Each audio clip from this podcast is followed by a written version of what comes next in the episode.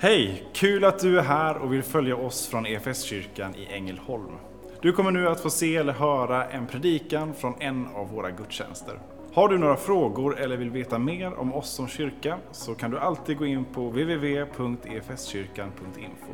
Vill du ha tillgång till mer undervisning eller ta del av våra inspelade konferenser eller gudstjänster gå gärna in på vår play-kanal efskyrkan.tv. Nu ska vi lyssna på denna veckas predikan. Att eh, önska er en god förmiddag och eh, uttrycka min glädje att vi får fira gudstjänst tillsammans. Och vilken underbar eh, bön att få be i den salmen vi precis sjöng om att Guds ande ska öppna sitt ord för oss. Och idag så är det ju en speciell söndag. Det är ju varje söndag är speciell men idag är den lite extra extra speciell. För att idag så firar vi faktiskt Jungfru Maria bebådelsedag. Och det gör vi eftersom det är nio månader kvar till jul. Och det är inte så att vi liksom, oj, den här dagen lyfter vi fram för att vi ska ha ett ovanligt långt eh, julpyssel och, och, och julstök. Nej, den här söndagen sätter sin prägel utifrån det att vi räknar tiden utifrån en vad säga, normallängden på en graviditet. Idag får vi stanna upp inför det mäktiga verket i Marias liv. Guds mäktiga verk i hennes liv. Och det föregås eh, faktiskt av ett möte som i sig är mäktigt och som i sig kanske också är märkligt i vissa eh, stycken. Så. När, när Maria får ett möte med ängeln Gabriel där Gud har sänt ängeln för att, för att komma med en hälsning till henne. Den här unga kvinnan i Nasaret i Galileen. Och vi kan läsa om det här mötet i dagens evangelietext. Jag tänker att i vördnad för Guds ord ska vi inte stå upp tillsammans och så läser vi och lyssnar till orden ifrån evangelisten Lukas i kapitel 1. Vi läser i Jesu namn. I den sjätte månaden blev ängeln Gabriel sänd från Gud till en ung flicka i staden Nasaret i Galileen. Hon hade trolovats med en man av Davids släkt som hette Josef och hennes namn var Maria. Ängeln kom in till henne och sa, var hälsad du högt benådade, Herren är med dig. Hon blev förskräckt över hans ord och undrade vad denna hälsning skulle betyda. Då sa ängeln till henne, var inte rädd Maria, du har funnit nåd hos Gud. Du ska bli havande och föda en son och du ska ge honom namnet Jesus. Han ska bli stor och kallas den högste son. Herren Gud ska ge honom hans fader Davids tron och han ska härska över Jakobs hus för evigt och hans välde ska aldrig ta slut. Maria sa till ängeln, hur ska detta ske? Jag har ju aldrig haft någon man. Men ängeln svarade henne, helig ande ska komma över dig och den högstes kraft ska vila över dig. Därför ska barnet kallas heligt och Guds son. Elisabet, din släkting, väntar också en son nu på sin ålderdom. Hon som sades vara ofruktsam är nu i sjätte månaden. Ty ingenting är omöjligt för Gud. Maria sa, jag är Herrens tjänarinna, må det ske med mig som du har sagt. Och ängeln lämna henne. Så lyder det heliga evangeliet. Lovad vare du Kristus. Varsågoda och sitt var ni nu befinner er, om ni vill. Det är ett fritt val. Ett mäktigt möte som Maria får vara med om. Hur skulle du reagera om du fick se på något sätt det himmelska, det heliga så konkret för dina ögon? Hur skulle du reagera? Hur skulle det liksom få känslouttryck i ditt liv? Maria står det att hon blev förskräckt. Hon darrar till när hon får se på något sätt det här heliga och rena i ängeln Gabriel. Men så kommer den där underbara hälsningen. Var inte rädd. En ytterst vanlig hälsning i bibelordet Och jag tänker det är också en hälsning som vi kan få ta till oss i en tid som för oss i mycket är orolig. Var inte rädd. Eller som Jesus hälsar till lärjungarna i sitt avskedstal. Känn ingen oro. Tro på Gud och tro på mig. Maria får vara med om detta mäktiga, märkliga möte som vi fick läsa om i verserna 26 till 38. Men det allra mäktigaste som kommer att hända i hennes liv kommer faktiskt att hända efter det här stycket som vi har läst. Efter vers 38. Men grejen är att vi kan inte läsa om det i vers 39. Utan det här stora, stora som händer i hennes liv, det sker mellan de där två verserna. Och där står det ingenting. Där är det tyst. Istället får vi börja läsa i vers 39 om hur hon några dagar senare beger sig till sin släkting Elisabet som också väntar barn. Och eh, liksom mötet med, med Elisabet i verserna framåt där. Men här tystnar det. Och jag tycker så mycket om Bo Branders beskrivning av den här händelsen när han använder den här formuleringen. De två viktigaste händelserna i Jesu liv, när Maria blir gravid och när Jesus uppstår från de döda, de är av sådan karaktär att till och med evangelierna tystnar i vördnad inför de gränslösa mysterierna. Det blir tyst inför det som vi inte kan förstå men som vi får tro. Jag tänker att den där, nu vet vi inte vilken tid på dygnet det är, men oavsett så vid det där tillfället så är det mycket som står på spel i mötet i Nasaret den där gången. Och i blickfånget står en tonårsflicka, en ung kvinna eller nästan på gränsen till en, en, eh, ett stort barn. Maria. Hon som utifrån Guds nåd har förberetts för att kunna bära det barn som är Gud själv. Maria, du högt benådade. Jag tänker vilket otroligt mod hon visar på och vilken förebild hon är i så mycket. Och hon måste ju ställa sig den där frågan som hon faktiskt uttrycker till ängeln. Vad ska jag bära på ett barn? Hur är det möjligt? Hur ska det gå till? Jag har inte varit med någon man. Och så får hon svaret. Helig ande ska komma över dig. Den högstes kraft ska vila över dig. Aha, nu fattar jag. Nej, så reagerar nog inte Maria. Hon förstår inte heller hur det ska gå till, men hon visar på ett mod och en förtröstan på Gud. En tro och en tilltro till Herren. Någonstans så, så lämnar hon den där oron som omedelbart måste någonstans drabba henne. Vad ska Josef säga? Hur ska jag förklara för honom att jag plötsligt bär ett barn? Vi har aldrig varit med varandra men, men ändå. Hur ska släkt och vänner, hur ska omgivningen i Nasaret liksom ta emot henne när hon bär på ett barn utanför äktenskapet? Men hon litar på Herren och hon lyssnar också på ängelns hälsning. För honom är ingenting omöjligt. Och så har hon en förtröstan på att det också ligger i Herrens hand. Och tack och lov så säger hon ja till det där uppdraget som hon faktiskt blir kallad till vid det här tillfället.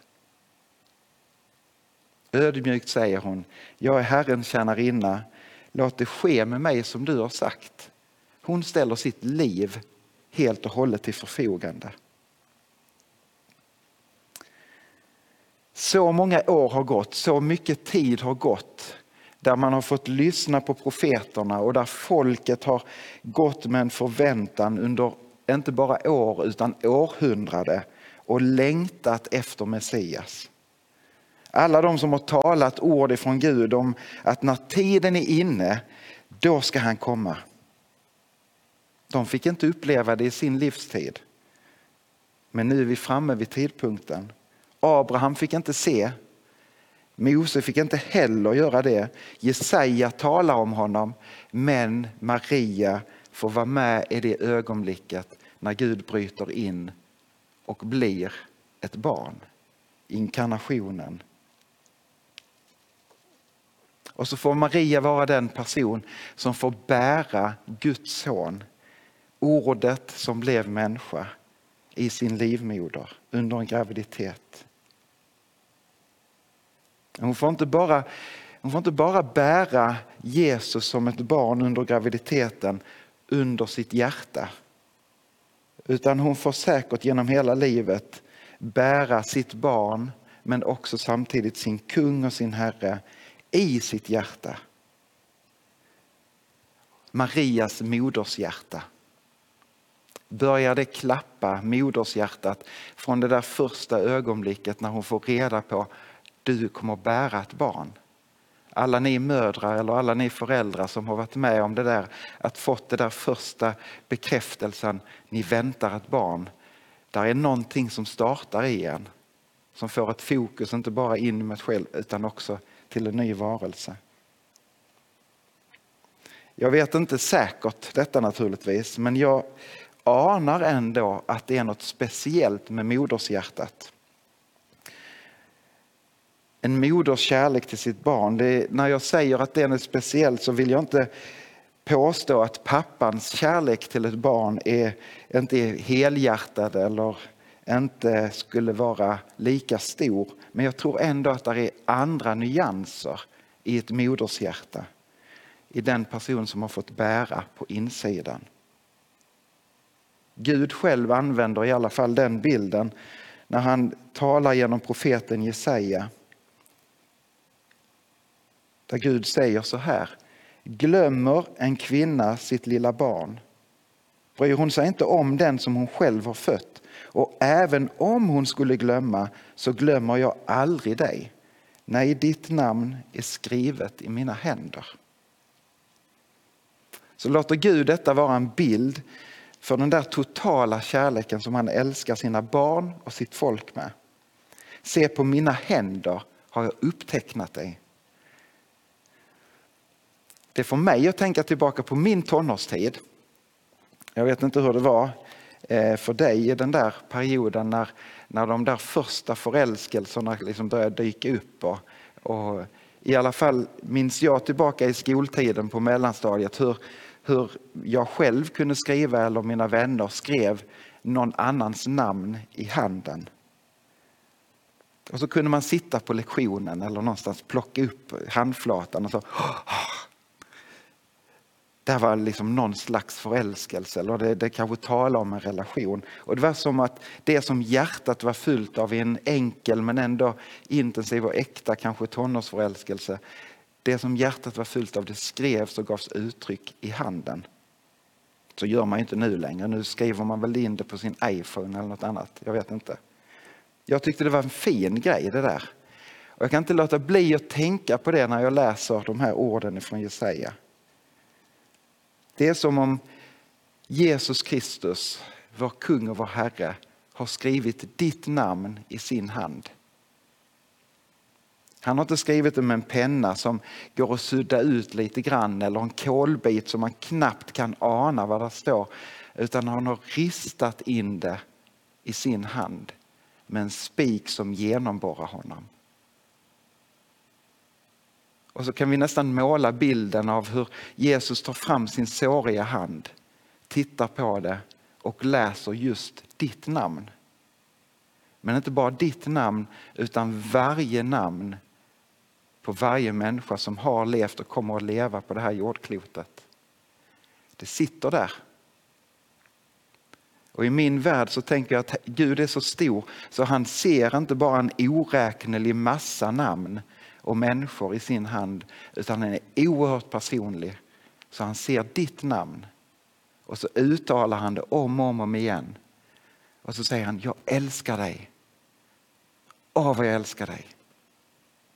En passionerad tonårsförälskelse är bara en svag, svag förnimmelse av vilken oerhörd kärlek jag älskar dig med. Men mitt kärleksuttryck är detta att jag har skrivit ditt namn i min hand. Men evig kärlek har han älskat dig och bevarat dig som sin. När ängeln Gabriel kommer till Maria med den där första hälsningen om att hon ska bära världens frälsare i sitt inre så är det med orden Var hälsad, du högt benådade. Den här unga flickan hade funnit nåd inför Gud. Och den ödmjukhet, tänker jag, som föds när man får ta emot det som man inte förtjänar, det tror jag präglade Maria genom hela livet. Och hade vi nu fortsatt att läsa efter vers 38 och gått in i mötet med, med, mellan Maria och Elisabet så hade vi fått läsa om hur, hur det barn som Elisabet går och väntar på, Johannes döparen som sen kommer att födas, spritter till inom henne och då förstår Elisabet att Maria bär Messias i sitt inre. Och i deras samtal så kommer också Maria att brista ut i en lovsång. Och där uttrycker hon bland annat så här. Min själ prisar Herrens storhet, min ande jublar över Gud min frälsare. Han har vänt sin blick till sin ringa tjänarinna. Och I den strofen så uttrycker hon sin, sitt beroende av Herren. Han är den som räddar och frälser. Och i mötet med honom så inser hon Guds storhet och sin egen litenhet, sin egen otillräcklighet. Och så finns det i det där mötet och den där insikten all anledning att brista ut i lovsång. Därför hon lovsjunga den Herre som har skapat himmel och jord, som har skapat varje stjärna och också satt namn på stjärnorna. Men han är också intresserad av mitt namn. Han är intresserad av mitt liv. Tänk att även du i mötet med Gud får höra de där orden. Nåden är för dig. Förlåtelsen för dina fel och brister vill jag ge dig. För du är mitt älskade barn och jag har ditt namn skrivet i min hand. Jag vill lyssna på din bön, jag vill lyssna på din bekännelse. Jag är intresserad av ditt liv. Så det finns också anledning för oss att brista ut i lovsång och tillbedjan inför den högsta. Ska vi be tillsammans? Tack kära himmelske far för ditt mäktiga verk som fick ske i Maria på ett sätt som vi bara får tro och förundras över. Men som också har gett oss livets möjlighet och möjlighet att få vara i en levande relation med dig. Tack för Jesus Kristus. Tack att du valde att bli en människa. Du som är helt obeskrivlig har gjort dig tillräckligt gripbar och nåbar så att vi kan ha en personlig levande relation med dig. Och jag vill och jag vill uppmana dig som är, är med i bönen att också be bönen jag bekänner mig till dig på nytt Jesus. Om det är för första gången eller för tusende gången så vill vi ändå få uttrycka vi bekänner oss till dig och vill ta emot kärleken som du ger. I Jesu namn. Amen. Som kyrka är det en glädje att få spela en liten roll av allt Gud gör i och genom ditt liv. Vi vill gärna fortsätta följa dig på den resan. Och vill du ta reda på vad ditt nästa steg kan vara på din resa med Gud så gå in på efskyrkan.info nästa steg. Vår längtan är att få se människor och samhällen förvandlade av Jesus. Genom en kyrka som återspeglar Guds hjärta, bär varandra och betjänar människor varhelst vi befinner oss varje dag.